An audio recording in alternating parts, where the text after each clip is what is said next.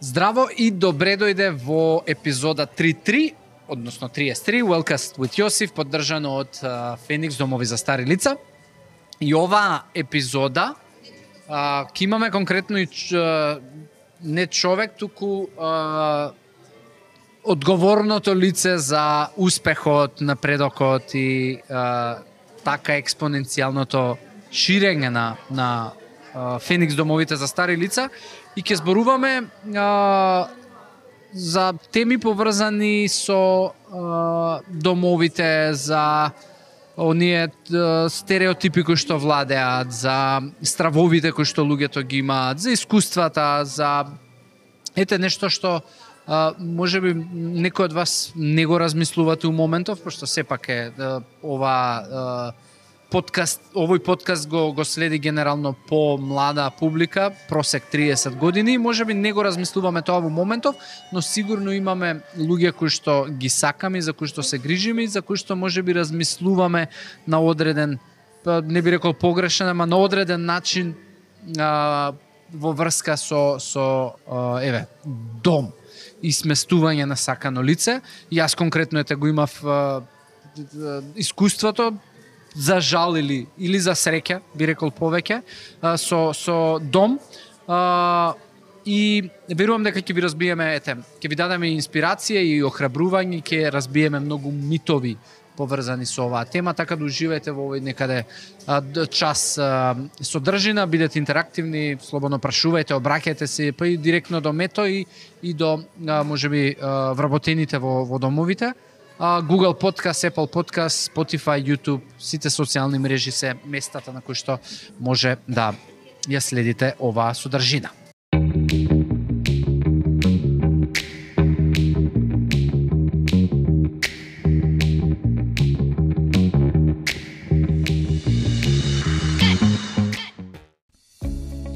Открите топлината и грижата во дневниот центар на Феникс домовите за стари лица. Придружете се на целосно бесплатен еднонеделен пробен период, каде што вашите најблиски ќе можат да уживаат во активности, грижа и енергична заедница секој работен ден. Од прва рака искусете ја радоста и удобноста што ги обезбедува овој тим од професионалци. Кликнете на линкот за да се регистрирате или јавете се уште денес за да ја почувствувате разликата што ја прават.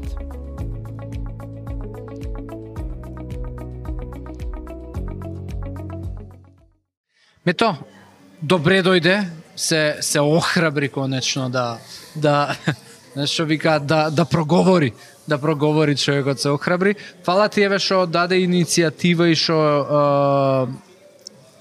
токму ти еве седна да си поразговараме за теми, за тема која што пред се ти е специјалност, специјалност, не ти е специјалност, туку ти е тие твоја определба, така најдобро би се би се изразил. Uh, и, и верувам дека ќе помогнеме на многу луѓе да да ете станат посвесни на овие теми да да им разбиеме стравови, да им помогнеме со чувството на вина, да им ги доближиме услугите и се што вие правите со со вашите не, не, не би ги рекал пациенти, туку корисници, корисници или корисници, резиденти. Но, резиденти, Поубаво да, резиденти звучи најдобар. Поубаво кажам, А- да. Јосиф, ти благодарам на поканата и на иницијативата вака да се сретнеме и да разговараме во вакво убаво светло. Да, Еден заеднички подкаст на една тема која што кај нас се можеби табу тема се уште или можеби има предрасуди за таа тема, но меѓутоа но авали се менува, јас сум доста оптимист и, да, и, да, и далеку подобро од од пред неколку години, меѓутоа се уште треба да се менува тој став кон ова табу тема, да речеме повторно. Мето, ја и ти колку еве се познаваме, од, можеби максимум, знам дека беше јануари кога се запознавме или декември, такво нешто така беше. нешто. Да, беше декември практично, ние с татко ми го сместивме во дом во јануари. А, значи тоа се па две години, точно. Јас ти ја слушнав приказната, јас те најдов тогаш, да. Да, да, да, ти ме Да. најде и да баш имаме, мислам, тогаш што така беа а, некако а, се, се, се поклопија некои некои работи, а, нели ти, ти ми пише ајде нешто да нели ми се свиѓа што правиш, дај да да, Да. ете да се запознаеме, да правиме нешто а, заеднички и и практично ти се запозна со нели мојот случај, јас ти кажав дека ја ни у моментов еве тоа и тоа правиме, неш бараме а, решение за бидејќи татко ми е со Така. со Алцхаймерова болест и, и, и, и едноставно мора да, да го згрижиме во дом бидејќи не беше веќе ситуацијата да да мајка ми може да да се грижи а, и беше ризично и, и опасно дури а, во, одредени моменти. А, и тогаш ти уствари рече и ние бија понудиле оваа устука и го правиме Да. ова. И, и, и генерално ја никогаш не ни се обратив а, во, во ние се обративме нели на на гериатрија никогаш не се обративме во во приватен дом затоа што а, моето размислување и и она што нели луѓето до, ми го дава како информација кога ќе ја побарав беше дека знаеш е многу тешко да најдеш некој да се грижи за а, за резидент со Алцхаймерова болест, Така пошто е тешка. ком, комплексно и треба да се има и кадар, али ти ти беше единствениот кој што рече не ние се грижиме за тоа и, и можеме да превземеме нели? Комплицирана ситуација, да, може би ти у тоа време не си знаел. Да. се обратиш, нели, може и среќа што сме се нашле, што стабивме во контакт воопшто, воопшто уствари Па и, и види е среќа од една страна што знаеш ние ние имавме знаеш Мислам, тоа е болест која што никој не ја посакува да има човек во семејството, али во секој случај беше среќа затоа што знаеш ете периодот кој што му беше преостанат за живот, барем знаеш имаше а, имаше некаква грижа а, која што беше многу посоодветна од таа која што можеби дома ја пружаше мајка ми, а, и многу поодржлива пред се и а, од друга страна и еве за благодарение на Феникс започне на приказка со подкастов и Велкастов која што знаеш а, многу и а, прави импакт на многу луѓе и не само за свесност за домови Не пошто само за тоа, домови општо. зборуваме Така прв пат у, така да, у, да, у да. подкастов Повеќе има ама други теми многу него оваа. повеќе на други теми а, поврзани со ете со добре состојба здравје а, Така и така да е, е, е излезе супер супер а, супер иницијатива твоја да се запознаеме и, и еве прерасна и у пријателство. така е, така е. А, така да Никогаш не знаеш на што ќе начекаш и што ќе испадне на крајот. Баш. А, веќе Феникс стигна до а, петиот објект. Колку колку домови има? Моментално се четири објекти, Аха. петиот го спремаме, се уште не е готов, меѓутоа наскоро оваа година се очекува да биде отварањето и на петтиот. А, е, е, пред не знам колку имаше месец дена два а, многу ете кога така, бевме на, на некој од нашите кафиња или ручек што и да беше а, многу убав а, заклучок направивме а тоа е дека а, во дом тоа што секој од нас го прави е си го купува и времето Апсолутно, од една страна апсолутно. и а, си си а, е попродуктивен во други области во животот. Може да се посвети на, и на други работи и не само тоа, туку и да му возможи и на старото лице квалитетен и адекватен третман или адекватен живот во таа трета доба. Зошто дома сме реални, колку да сме емотивни, да сме врзани со, со нашите мајки, татковци, тоа е многу распирлива ситуација. Меѓутоа, реално, некогаш не сме свесни дека не можеме да го пружиме, да ја пружиме таа нивна, таа нега и, и, и, и, и потреба која што не ја бараат или им треба у дадени ситуации. Едноставно затоа што не сме стручни, затоа што немаме време и тоа го правиме во брзање, на трчање и, и на цена на тоа губиме губиме на, на губиме на, на други страни. Не има внове внимание на децата, на на на на, себе. на, на личниот живот, да. Меѓутоа, меѓутоа проблемот е што тоа некои луѓе предосна го сваќаат. Предосна го сваќаат и едноставно пошто не реагирале на време. А зошто, знаеш, еве, а, од каде потекнува а, мислењето и перцепцијата дека во дом се се грижат нели пошто зашто им ставаат апчиња нели колку да спијат само и никаква грижа не им посветуваат. Дали е тоа а, поради можеби и, а, не знам, многу лоши искуства на луѓе а, или е поради оправдување за мојот страв зашто не сакам некого да го однесам во дом. Пошто од- ево сигурен сум дека е тоа го знаеш и си го слушал. Да, да. Од каде потекнуваат тие а, Види, Теории. старечки, старечки домови генерално генерално се уште имаат таа лоша репутација. Тоа е факт, да. Сега тоа од каде потекнува, прва работа потекнува пошто оваа индустрија, оваа бранша, старски домови во, соци, во, во социјалната, во, соци, со- социјални установи, е релативно, е релативно нова гранка. Постои во држава, постои некаде околу 25 години м, споредбено со хотелиерството, например, е огромна разлика во во постоење, ме сеќаш. И сега нормално дека има период на на адаптација, период на на развивање на таа гранка, кој што можеби се уште не е дојден до одредена до одредена до одредено ниво на кој што треба да биде.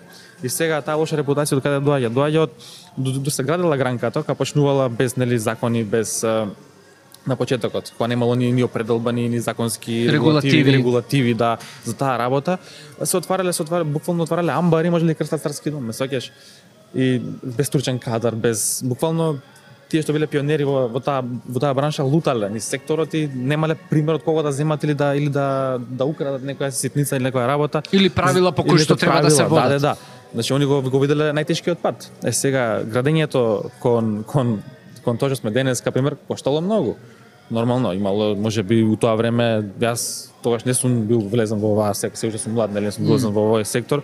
Меѓутоа веројатно имало и луѓе кои што виделе и, и незадоволство и, и неубави работи и нестручност, ме сваќаш и сега тоа се градело со тек на време. Прво условите на на на, на, на домовите биле биле на упониско ниво. И затоа е денеска таа лоша репутација во нивните во нивните очи, особено кај кај старата популација. Меѓутоа денеска се е изменето. Стандардот отиде на многу повисоко ниво, стручноста, опремата, буквално Регулативите. бук- регулативите, да, да, да. Значи сега денеска, денеска еден старски дом не е во можност да дава такви таква лоша услуга или таква лоша нега поради поради многу други фактори, екстерни или интерни. Така да мислам дека кај младата популација или оние средновековни луѓе или оние помлади више се менува перцепцијата и оние што имале е, искуство да влезат во старечки дом денеска, во модерен старечки дом, полека му се менува мислењето и ја менува прецепцијата за тоа.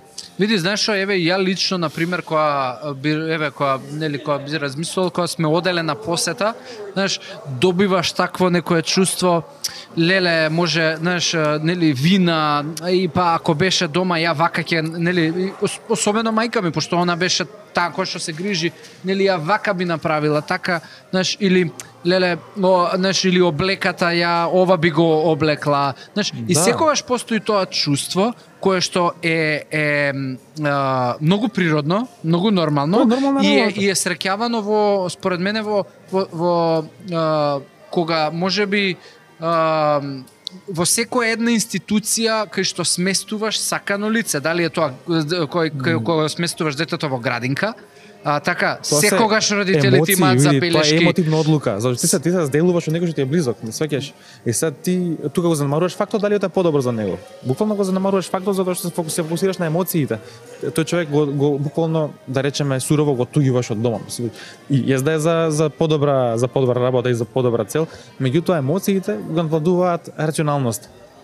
И тука е тука е таа та, тука е тој геп на Да, али али знаеш и кога доаѓаш до до некој еве да заклучокот е дека па и, и детето во градинка, да, може би ти дома ако си подобро ќе се грижиш, ама ајде, биди дома, Така за, за немари го целиот Така живот и 24 часа биди Така и грижи се. Постојат, знаеш, сепак ја ја сметам, знаеш, еве, не не е, и, и ова, знаеш, јас сум бил а, човекот кој што кој што а, притискал на иницијативата да и да бараме решение, не затоа што сум без емоции или сум бил неодговорен, не туку така. напротив баш поради тоа што сум знаел сум бил одговорен, слушај, тука е здравието и на на мајка ми, тука е здравието на сите Ти, нас. ти си бил рационален. И, и, Мајка ти била емотивна, ти си бил рационален. Да, ама знаеш, и на крај на денот, ради таквата ситуација, знаеш, ние на крај на денот, еве, кој ќе сме отишле, нели, да, да, во, во, на, на гости кај, кај мајка ми, знаеш, не можеш комплетно да, не знам, да се опуштиш во разговор, затоа што имаш цело време некаква дистракција, некаква, знаеш, итност, не, не, знаеш, Така е. не е, така да, да, можеби а, па, патиш кон, кон а, и чувствуваш вина за тоа што си донел некаква одлука, ама од друга страна, па, знаеш, и предходно си види. чувствувал вина и си пател затоа што па не можеш да, нели, одиш дома Види, и тоа е- не можеш да да да Тоа е реалност, едноставно да... да меѓутоа си не конкретно збориме за лица еве болни од Алцхаймер, сваќаш меѓутоа Да, старскиот сега дом... ја земав спец, знаеш, ја земав види, кај мојата приказна и случај, ја носи, ама носи, ја носиш ти, пример, во случајот за твојот татко, меѓутоа има и други случаеви каде што, пример, поентата на старски дом според мене и кај сакаме да однесеме перцепцијата на општеството, е дека старски дом не е само за болни лица, него и за да, пензионери. пошто најчесто се користи тука и за пензионери. Буквално старскиот дом јас го сваќам како како хотел со додатни услуги.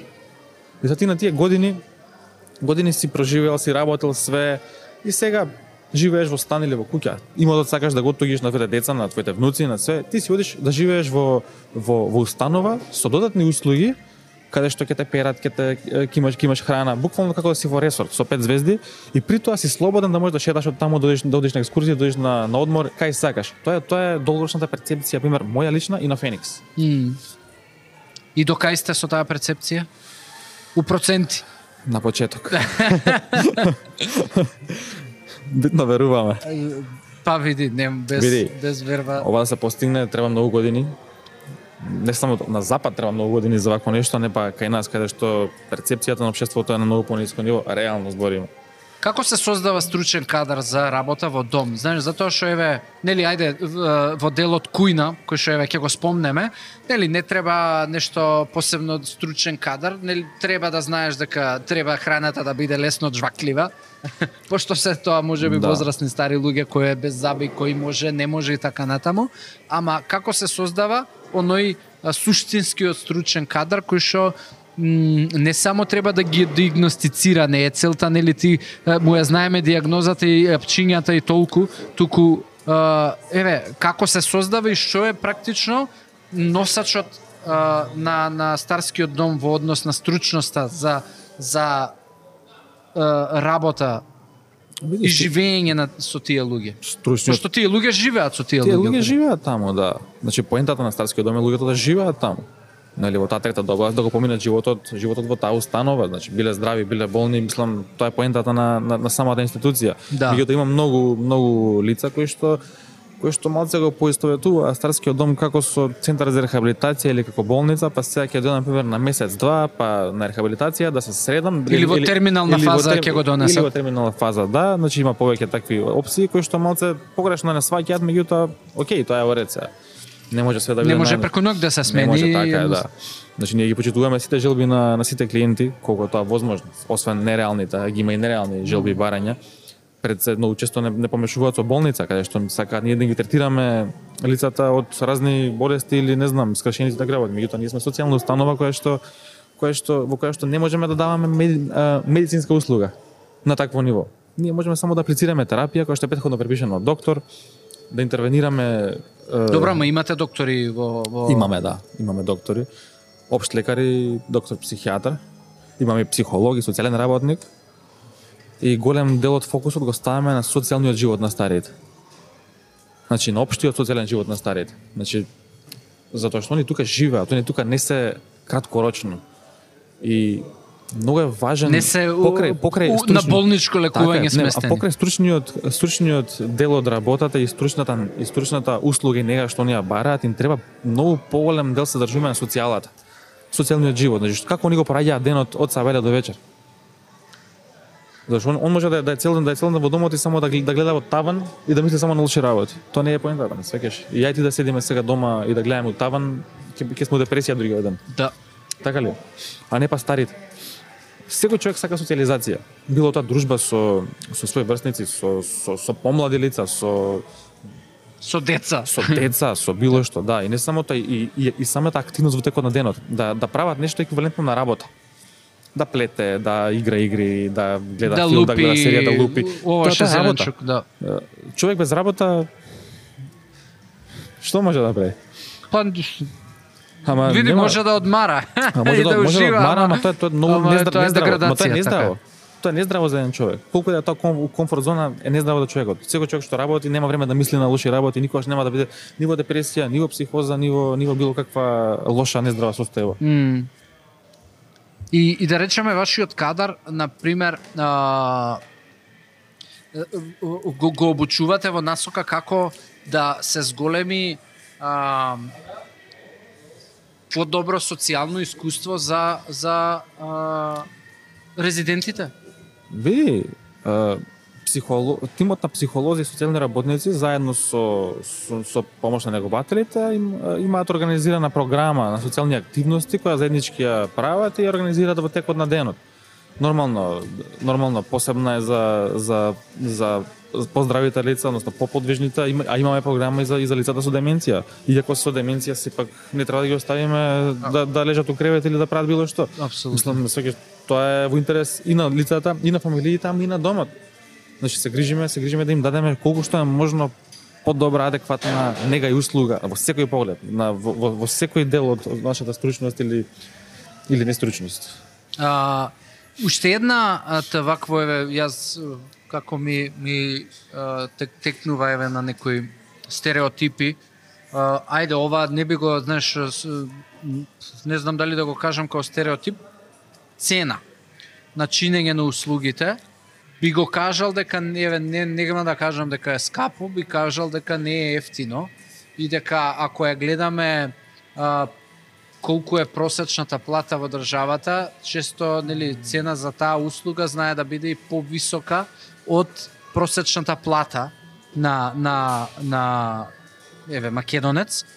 Како успевате еве да го искомуницирате тој дел и, која е оправданоста за таа така за, за, за цената и знаеш како човек да си помогне да донесе позитивна одлука и да не ја гледа цената како Ја се види, Како- цената е, е многу релативна работа. не не мене ми е јасно ама За клиентите секогаш е скапо.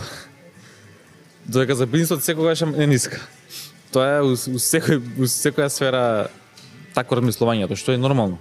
Меѓутоа Добро, ама еве така кога кога некој не би вика, се согласил кога некој ти дека- вика «С- слушај тоа е скапо.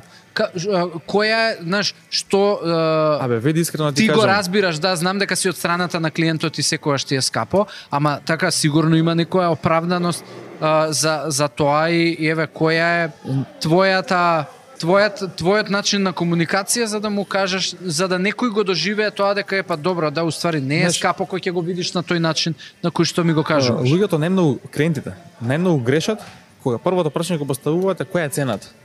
Зошто? Зашто он не знае што добива за таа цена. Он не не прашува прво ш, ш, каква е услугата, што добивам, него прво оди цената. Скапа е. Како ти ќе ќе одредиш дали е скапа или или или ефтина цената ако ти не ја знаеш услугата и не знаеш што се нуди во тоа. Или се во 10 домови поред ја спредува цената.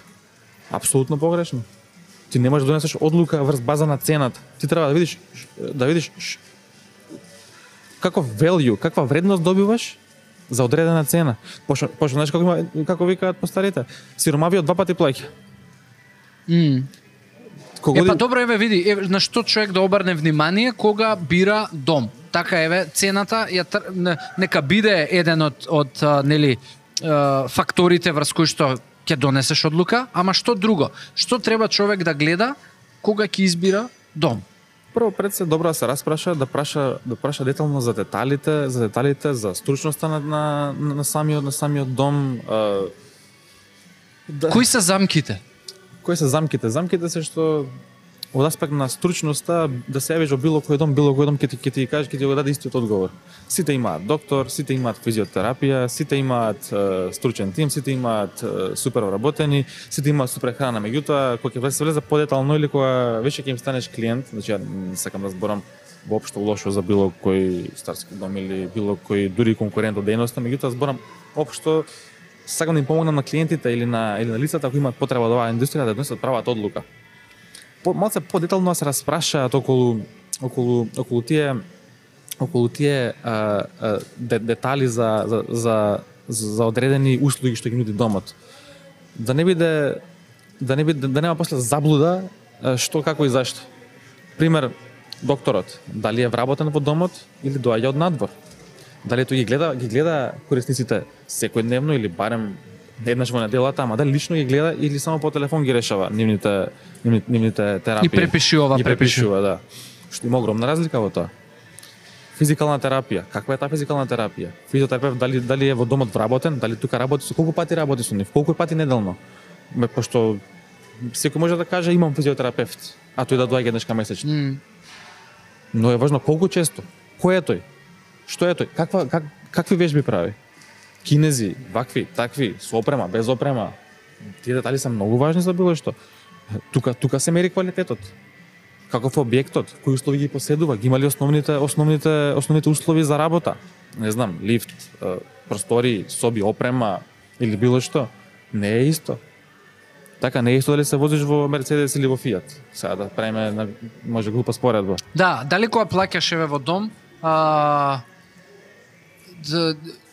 дали на, на кога нели ако зборуваме давам а, значителна сума на пари за за дом, дали а, од подоцна ќе ми стигне сметка за дополнителни давачки.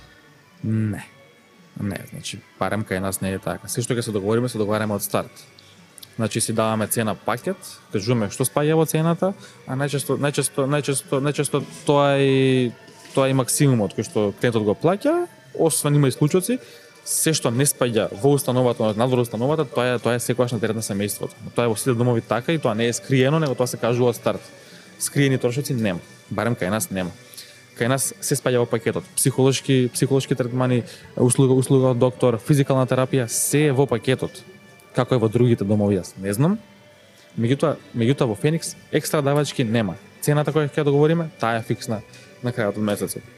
Ш- што се случува со со еве со ти- кои се односно кои се тие екстра а, давачки кои што евентуално има можност да да семејството ги Екстра давачки ги прифати и ги Па, пример, екстра лекови што не се на позитивна листа, пример, витамини, нешто приватно, што се има има што се многу скапи лекови, што се по 100 евра месечно, не знам. Сега тоа што сум видел што луѓето е, инфузии некогаш, некои екстра други лекови кои што ги нарачуваат од странство, пример одење на одење на, на лекар, надворешен лекар што не е во домот, пример за срце, за интерниста, било што тоа не, тоа не е во домот, М. нели? Транспортот ние го организираме од домот до, до некоја друга установа, меѓутоа се договараме со семејствата. Ние го наплаќаме, меѓутоа го наплаќаме по, по многу дампинг цена за нашите клиенти. М, Да ставиш во било која друго друга установа, пример Никоп или некоја друга, е минимум 5 до 6 илјади тој транспорт. Ние го даваме за 1000 до 2000 денари. Сепак им скачаме у пресред, затоа што ние имаме трошоци, треба да го платиме тој шофер, треба возилото оди на оди на пат, горивото е поскапено. Така да сепак имаме обзир према нашите клиенти. кливачите клиенти се семејствата?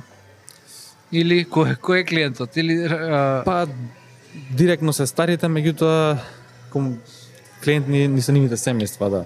Како им помагате еве на семејствата да а, емотивно да бидат по а, смирени а, и да бидат по а, сигурни во тоа дека нивниот сакан добива соодветна грижа. Види, најдобра најдобра помош што можеш да му дадеш на човек при таква во таква фаза кога е облиен со емоции е е само да оставиш времето да помине. Ти не можеш да не можеш човек што не е сигурен на оваа одлука, а ја направил да му влијаеш. Тој тука тука е ранлив. И најчесто најчесто тоа било тоа било тоа било неуспешен обид да го разубедиш. А не е поентата да го разубедиш, него едноставно да му помогнеш, да му помогнеш да го реши проблемот. Пошто проблемот го има. Е сега тој во тој момент емоциите му ги надводуваат е, рационалните мисли и он и он не е сигурен со едната нога е во дом, меѓутоа со другата со другата сака сака, Бара сака причина да... зашто Он треба бара, бара да причина, прекине Да. Или ќе го донесе стариот во дом и потоа и потоа дома не може да спие или има грижа на совест, па доаѓа ќе го земе, ме свеќаш. И на, на тие таквите буквално ги советуваме воопшто и да, да не ги носат, дори не се решат целосно, ме свеќаш. Нашата поента не е само да го земеме човекот или да му ги земеме парите. Поентата е стварно да е задоволен кај нас и стварно да да се поминува време и стварно да верува дека дека дека парите ги дава ги дава во нешто во нешто корисно. Не е тоа само туку така. Mm. А како како еве знаеш зборуваш за активности кои што ги правите со со а, резидентите и знаеш тоа се тоа се лица кои што достигнале одредена возраст во кои што знаеш нема еволуција на на а, нели мозокот на во смисла на интересите сега оваа игра ми е интересна па па за година дена веројатно оваа играчка ќе ми биде интересна. Како обезбедувате знаеш тоа се луѓе кои што виделе у животот многу ствари Да, да. како обезбедувате на една таква личност да му биде интересен денот? Па, И, и како, знаеш, како еве се осигурувате дека не е тоа можеби репетитивно и досадно, како иновирате во еве во во социализацијата и во грижата? Шо Што што еве или па исто и кон што се стремите, што постои во светот, што можеби би сакале и тука да го дадете во Имаме таа посебен грижа. Тим, посебен тим кој што се грижи за за, за овие работи, за социјалата на за социјал, социјалниот живот на старите, кој што секојдневно работи на на да, да измислува нови работи, кој тој кој што тоа јас директно влијам и пробувам нешто да смена да додадам. Но стоп се надградуваме, но правиме правиме заеднички состаноци сите домови меѓу себе, цел случаен тим каде што носиме заеднички идеи, правиме брейнсторминг, техника, нели, нови идеи, тоа нонстоп се надградува, се менува, да не е монотоно. Креативноста нон- нонстоп работи кај нас. Друга работа што сакам да ја поведам се чести редовни екскурзии на старите, тоа го нема држава никаде, па го немам, пошто бев и во Германија, во старски дом, имав искуство да да видам како работат таму. Они се можеби добри, можеби подобри од стручен аспект и во одредени регулативи, меѓутоа социјалниот живот има на многу пониско ниво од нашиот. И топлината, топлината на самиот гушкање не постои од Тоа не страна. постои таму, не.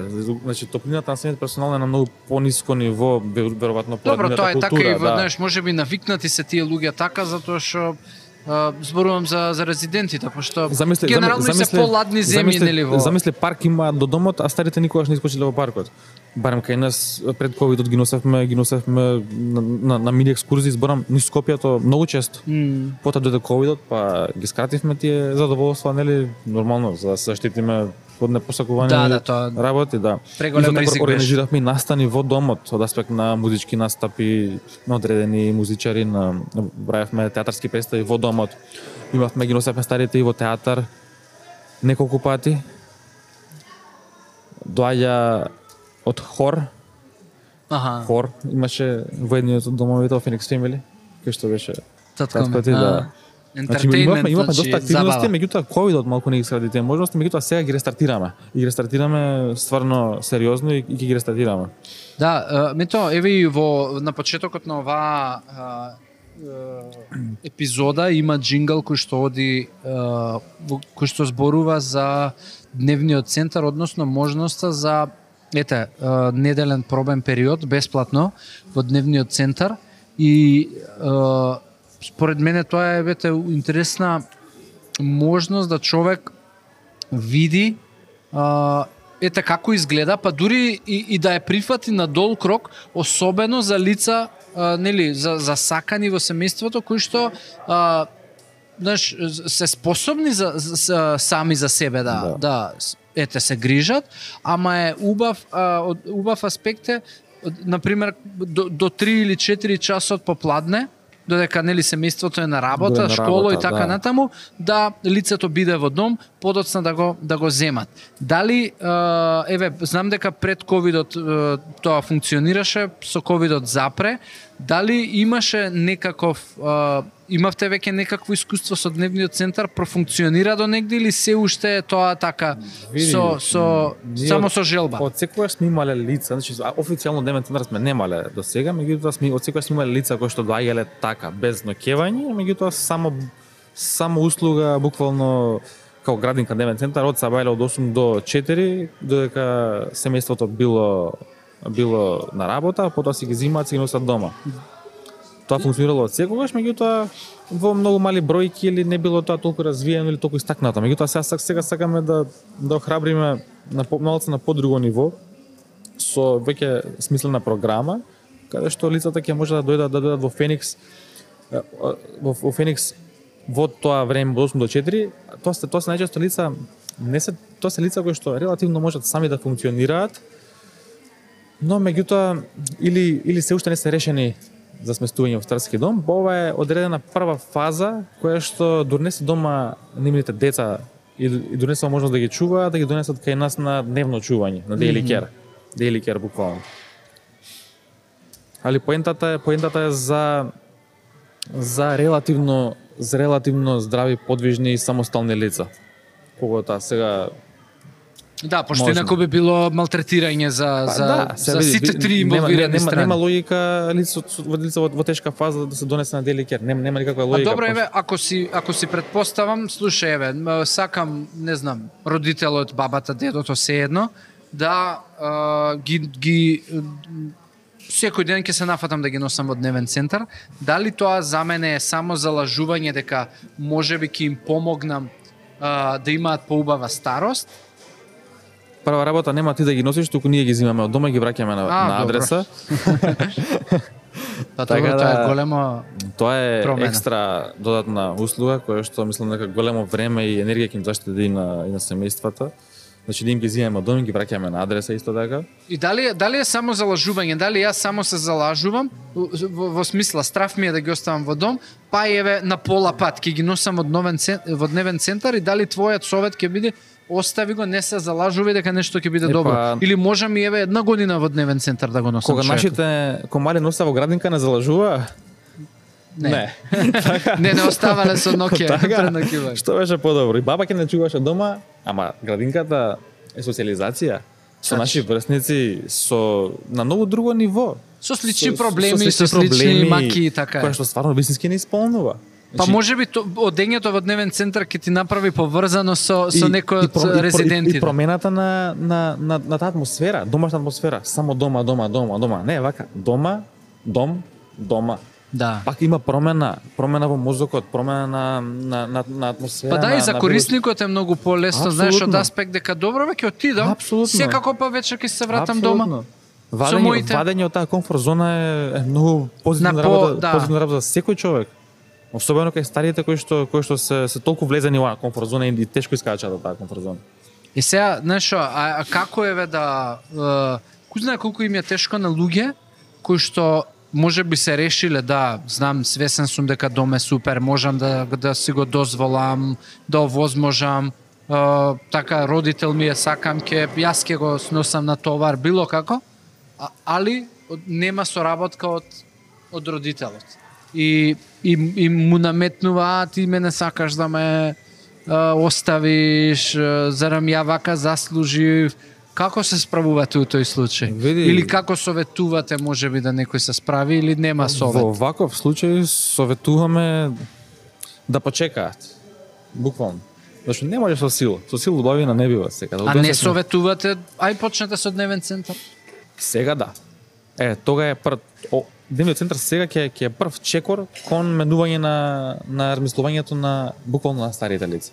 Тој што не сака да дојде да види, да дојде, може да дојде бесплатно на ден два. Еве сега што го правиме и проект е, проектов нели една недела бесплатен бесплатен фри трајал за mm. дневниот центар, така да ќе биде убав начин бесплат, бесплатно без да платат луѓето, барем да ја осетат. Ништо не може да изгубат, така што ќе изгубат. Значи буквално да ги користат услугите без да Ете платат да се ништо. осигуре дека не е за да, него. Да, види, да, не, да, да, да, да осети атмосфера. Да, бе, да. А, и, и, и, например, еве, викаш, така не треба со сила.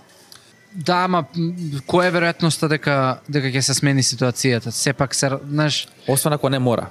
Освен ако ако не мора, о, мислам освен во случај ако ако ако лицето има реална потреба од таква нега или итна потреба, тогаш може би треба и со сила или со или со некој подлабок муабет со него да се убеди да дојде.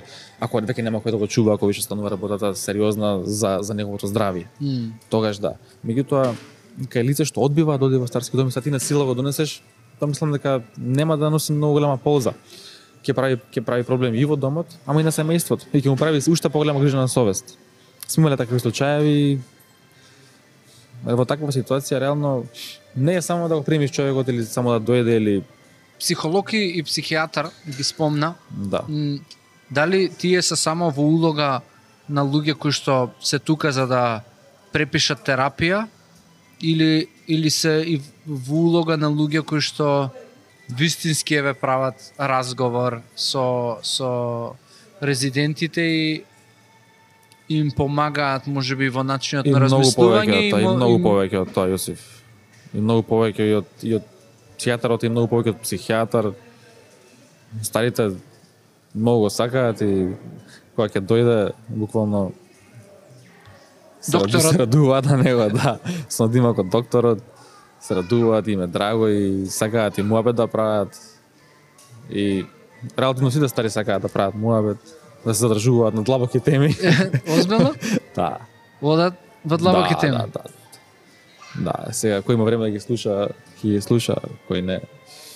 Ама тоа е многу битна работа кај нив, да ги слушаш. Че добар слушател. Не мора да збориш.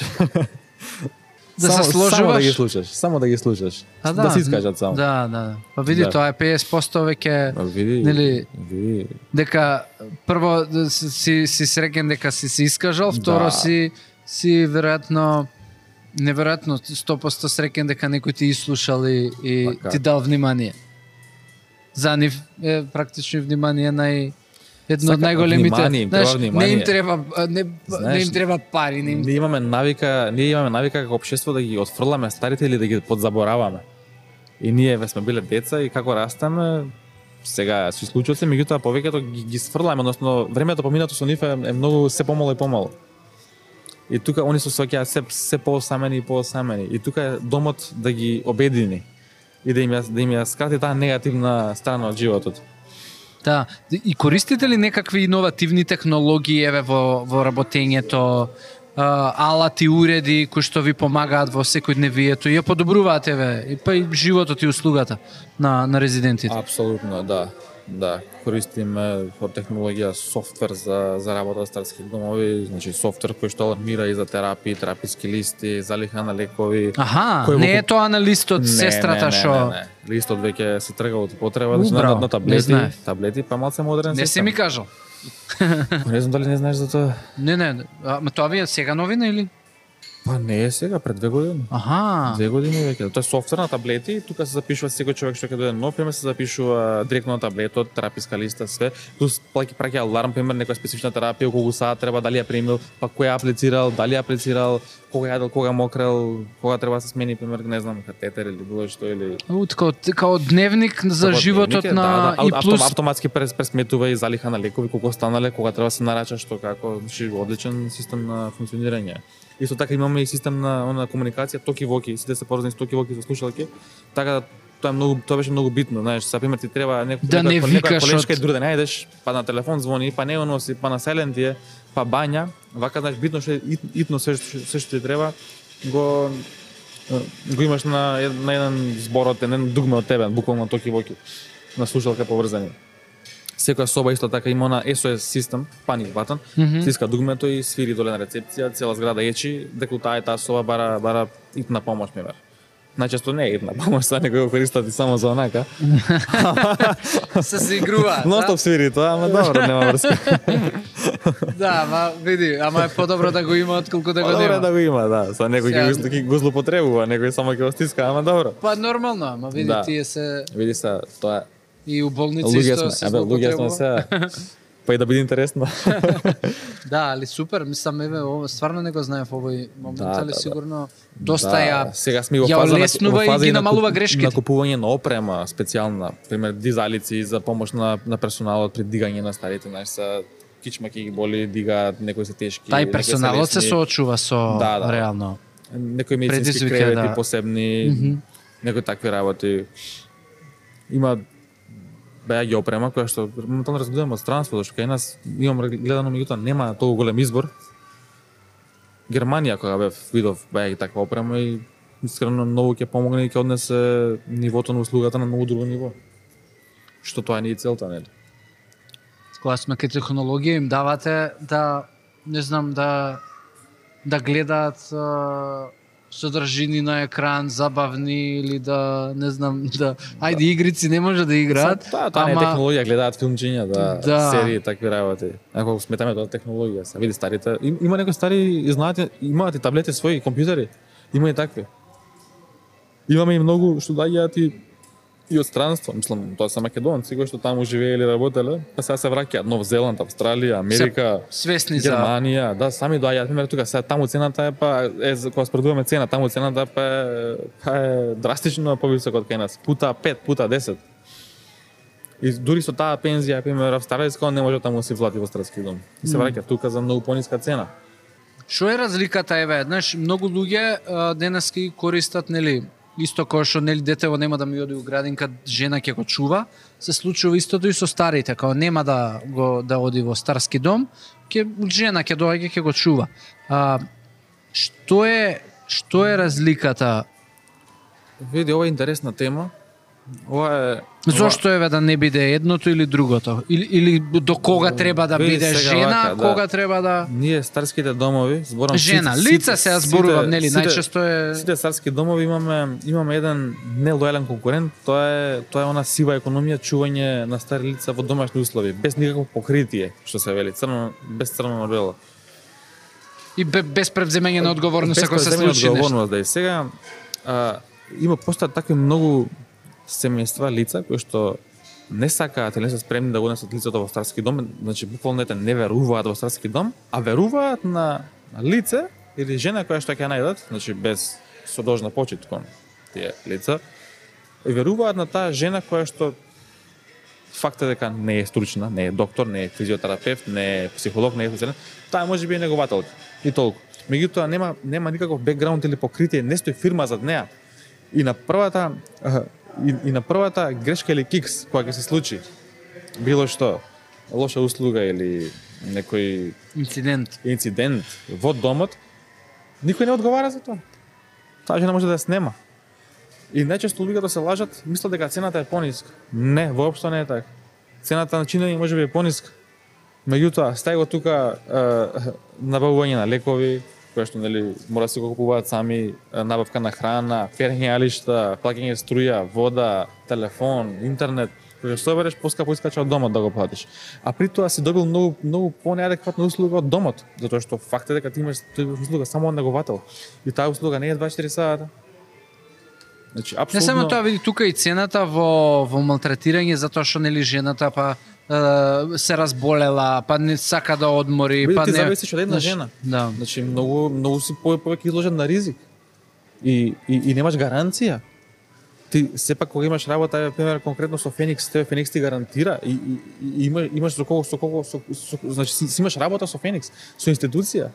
Ако една негователка сгреши, Феникс може да замени, да најде замена, да да го надокнади тоа на било кој друг начин. Да не, да не зборам за за сеопфатната и поширока стручна фела која што имаме во домовите и што се можеме да овозможиме на, на, на старите лица. А што не може да овозможи еден човек во дом во домашни услови. Истава истава услуга и ние ќе почнеме наскоро да ја нудиме, услуги услуга во домашни во домашни услови. Значи ние одиме кај кај лицата дома. Како патронажа. Да.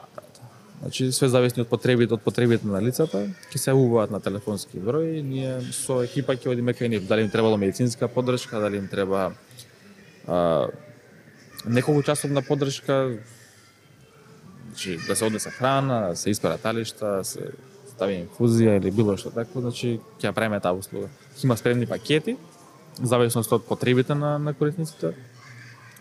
Ќе се одредува ќе се одреди некоја цена, фи за тоа и ќе ја пуштиме во оптек. Како ја спомна храната, како успевате да да ги нахраните еве четири здравје Боже, еве ќе има и пет пет локации и да и пак да биде тоа нели повторно а, квалитетна храна и да биде нели да, да не е репетитивно и секој ден исто и да Епа, види, кога имавме, и да најадеш кога имавме помалку домови, секој дом имаше своја кујна и храната се готвеше во домот. Меѓутоа ми дојде една идеја, како се проширивме, ми дојде една идеја со цел да го зголемам квалитетот на таа храна и разновидноста на таа храна, сите тие кујни од домовите да ги спеам во едно. Направам една, една централна кујна која што која што ќе биде многу многу ќе се фокусирам на многу поголем квалитет и искористеност на ресурсите. И, и, и беше една успешна приказна, искрено да ти кажам. Беше? Се уште? Се уште е. А, да, добро. се уште е и, и, и имаме и планови да носиме на многу повисоко ниво. Значи, сакам да направам и, и да постигнам ниво каде што до сега, пример, е, менито се прави неделно и имаат избор по, по еден оброк. Нели, доручек, ручек, вечера. Мојата визија и цел и, и наскоро ќе биде ова реалност, да биде да имаат пример за ручек две или три опции и за вечера, исто така две или три опции, да можат да одберат што сакаат да јадат. Аха, Зашто, као нели, у ресторан, не- на ла са- карт. Ме сваќаш, па, па нема да биде буквално ла карт, Се ама ќе има да. имаат ќе имаат избор, пошто сега ти на, на 300 луѓе не можеш да им одредиш е, едно јадење да го погодиш за сите. На некого некого некој нема да е задоволен. Па колку и да е тоа добро. Има три оброци и ужина? Три оброци и ужина, да. Да. Е сега сега Смеат да пијат, например, мислам кафе им давате, си бараат, си па и ракија, пија, кафе, пиво, ракија, секој што сака може да пие. Освен- ако не сме. Освен ако не сме. Аха. Ама тоа си е на свој трошок. Како на свој трошок, тој е од домот се. И ракија ако си Би, поварам кој кој ќе остарам да се Како на се свој трошок, на па сега ти да дојдеш кај мене дома, што ќе ти го нафатам? Има да.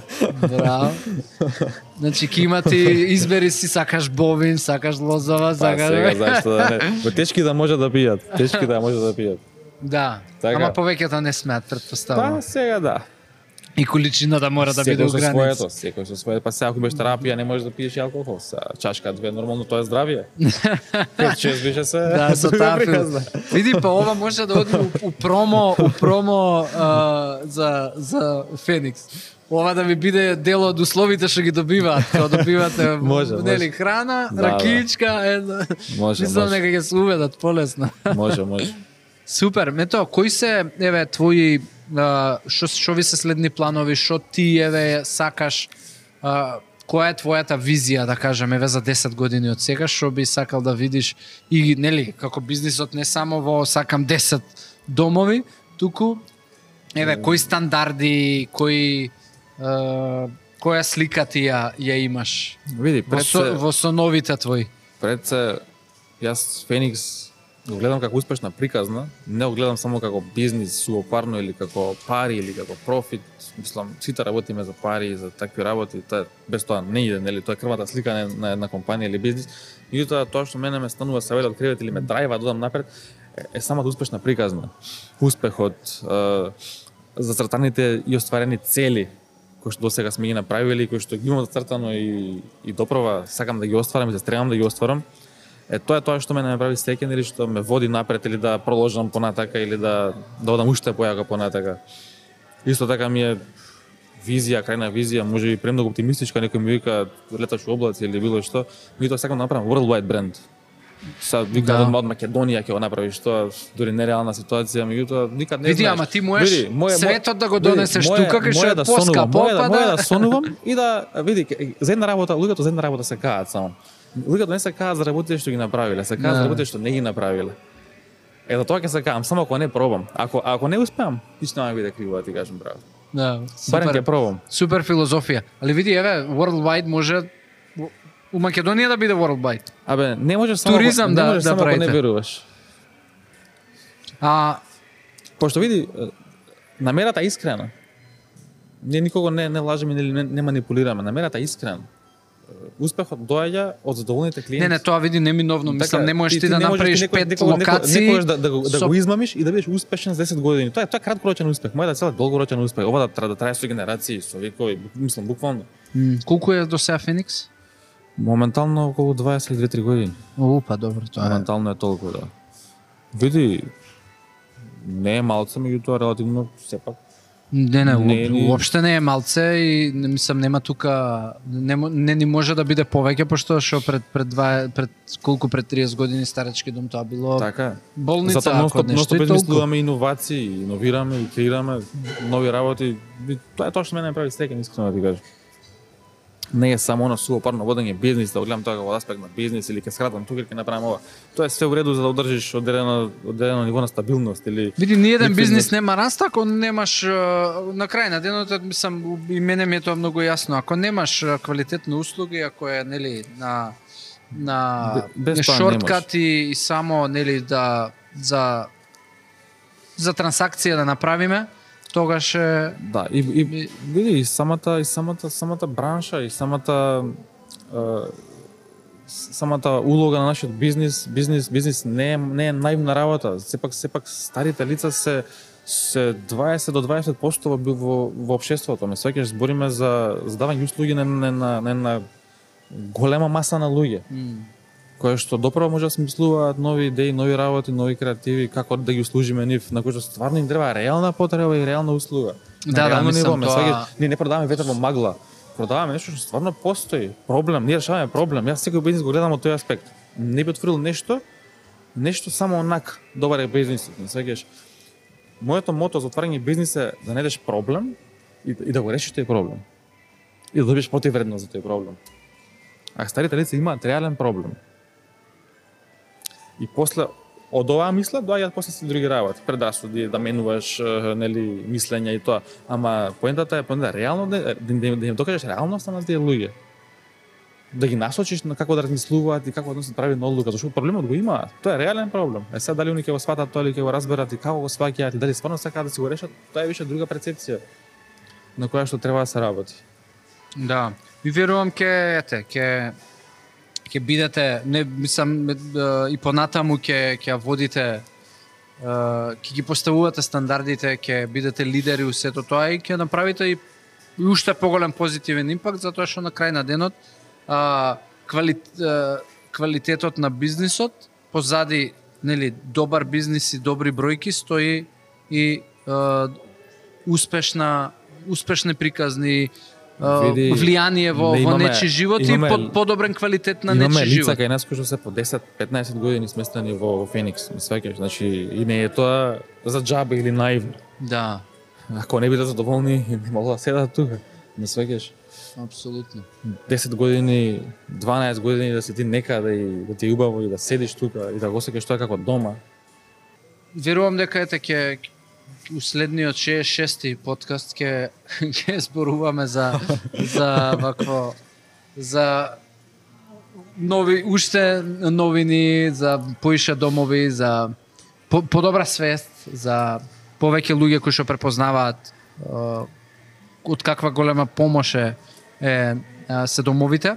Види, лу- луѓето заслужуваат да им даваме вакви фри контенти или Содржини. прирачници, содржини, да бесплатно, да им помогнеме и, и да знаат како да се справат во дадени ситуации. Дури и не мора да се наши клиенти, но општо на луѓето и кои што не размислуваат да одат во старски дом или во било која друга бранша, да им да им пренесеме нешто, да им дадеме, да им помогнеме. Тоа тоа е самата поента, да ги едуцираме дополнително. Па да, види, ја верувам дека ќе тоа, од доеме тоа секој може само да добие, никој не може да изгуби. Така е, така е. И, и свиди, се, ја верувам дека ќе доеме до ситуација која што градинката не се прецепира како ау не таму, нели? Никако, да. туку се прецепира како стандард, да, таму ако оди ќе биде подобро. Верувам дека ќе ќе ќе дојде време кој ќе зборуваме и, и за тука за за некој за, за таква перцепција и стандарди, затоа што еве некои западни земји се блиску до до таквата перцепција и тоа домот е апсолутно мислам составен дел од животот Па, и, да, и во финансискиот план и проекција на луѓето за нели инвестирам и трагам за за еден ден да можам Ма да си дозволам не? да Тоа бидам во дом. Страшно, тоа е баш позитивна работа. Така е. Тоа за некои луѓе е луксус. Са, Па и е. па тоа е како да одиме ние се номер во некој ресорт, што тоа казна ли? Да. А, ме тоа фала ти уште еднаш што ете што одвои време, што посвети, што си направивме муабет и а, и фала ти еве што што ја поддржувате а, го поддржувате Велкаст with Јосиф уште од, од самиот негов старт. А стартот беше истиот ден кога го сместив А, татко ми тука во беше, тука беше да. преводната точка. Да, да, да. така да. Јас си фала ти на И за мене има голема смисла. Да, и на целава идеја што постои И сценографијата. И сценографијата. Поздрав И Младен. поздрав и до Младен, Да. кој што ни е тука трето светло. да, да, да. оваа приказна и се надевам дека ќе пренесеме уште дол, многу пораки Да, апсолутно. на Апсолутно. луѓето и ќе ги освестиме и за многу работи. Така е.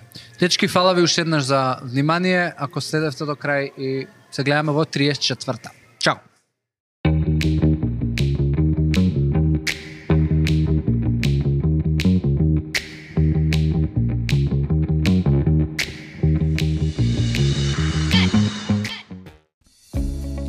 Чао! Открите ја топлината и грижата во дневниот центар на Феникс домовите за стари лица. Придружете се на целосно бесплатен еднонеделен пробен период, каде што вашите најблиски ќе можат да уживаат во активности, грижа и енергична заедница секој работен ден. Од прва рака искусете ја радоста и удобноста што ги обезбедува овој тим од професионалци. Кликнете на линкот за да се регистрирате или јавете се уште денес за да ја почувствувате разликата што ја прават.